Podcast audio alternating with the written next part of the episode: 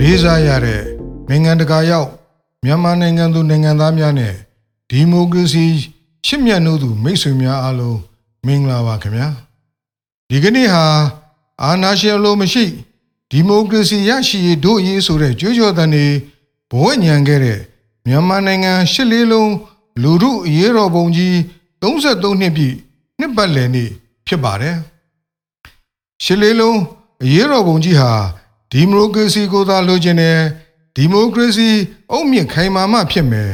အာဏာရှင်စနစ်ကိုဆန့်ကျင်တော်လှန်ရမယ်ဆိုတဲ့ကြွေးကြော်သံတွေနဲ့ကျောင်းသားလူငယ်တွေတတ်သိပညာရှင်တွေ အလုသမားလယ်သမားတွေခေါင်းရွက်ဖြတ်ထိုးဈေးတွေ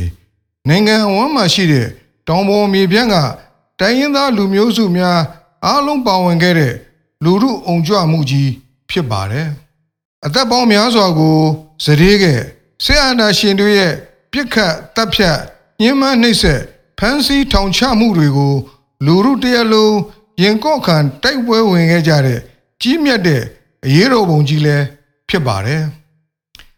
ဒီမိုကရေစီကိုသာလိုချင်တယ်ဆရာနာရှင်စနစ်ကိုခါသီဆန့်ကျင်တယ်ဆိုတဲ့ယုံကြည်မှုတွေ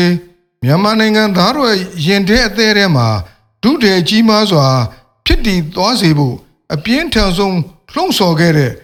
လူမှုအုံကြွမှုကြီးဆိုရင်မမှားနိုင်ပါဘူးဒီရုပ်ပုံကြီးဟာလူမှုမျှော်မှန်းခဲ့တဲ့ပန်းနိုင်ထိအောင်မြင်ပြီးဆုံးအောင်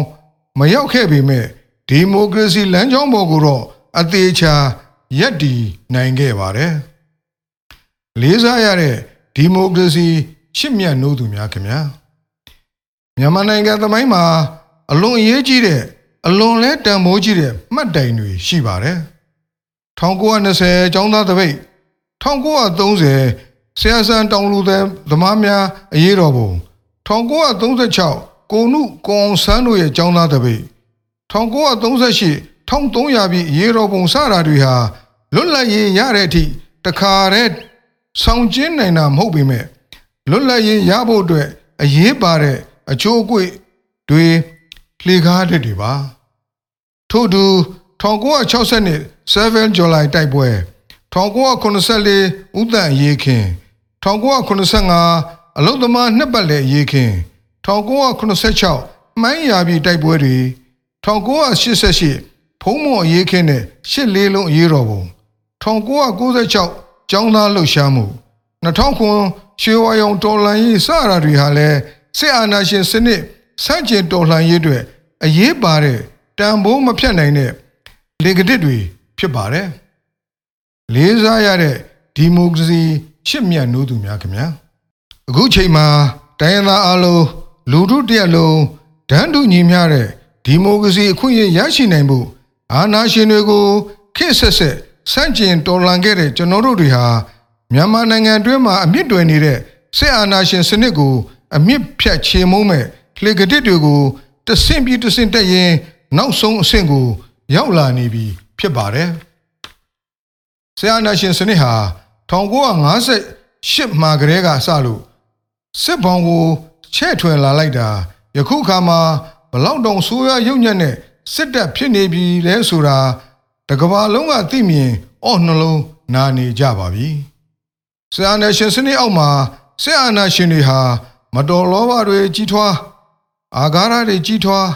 ရက်စက်ကြမ်းကြုတ်မှုတွေကြီးထွားလာသလောက်တစားတစားနဲ့အသိဉာဏ်ကင်းမဲ့တဲ့အခြေအနေဖြစ်နေပါပြီ။တခြားတစ်ဖက်မှာ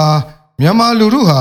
ရှစ်လေးလုံးလူထုအရေးတော်ပုံကြီးကထုစစ်ပေးလိုက်တဲ့ယုံကြည်မှုတွေနဲ့စစ်အာဏာရှင်စနစ်ကို အမြင့်ဖြတ်မြေမြုပ်တကြိုမဲဆိုတဲ့စိတ်ပိုင်းဖြတ်မှုဟာ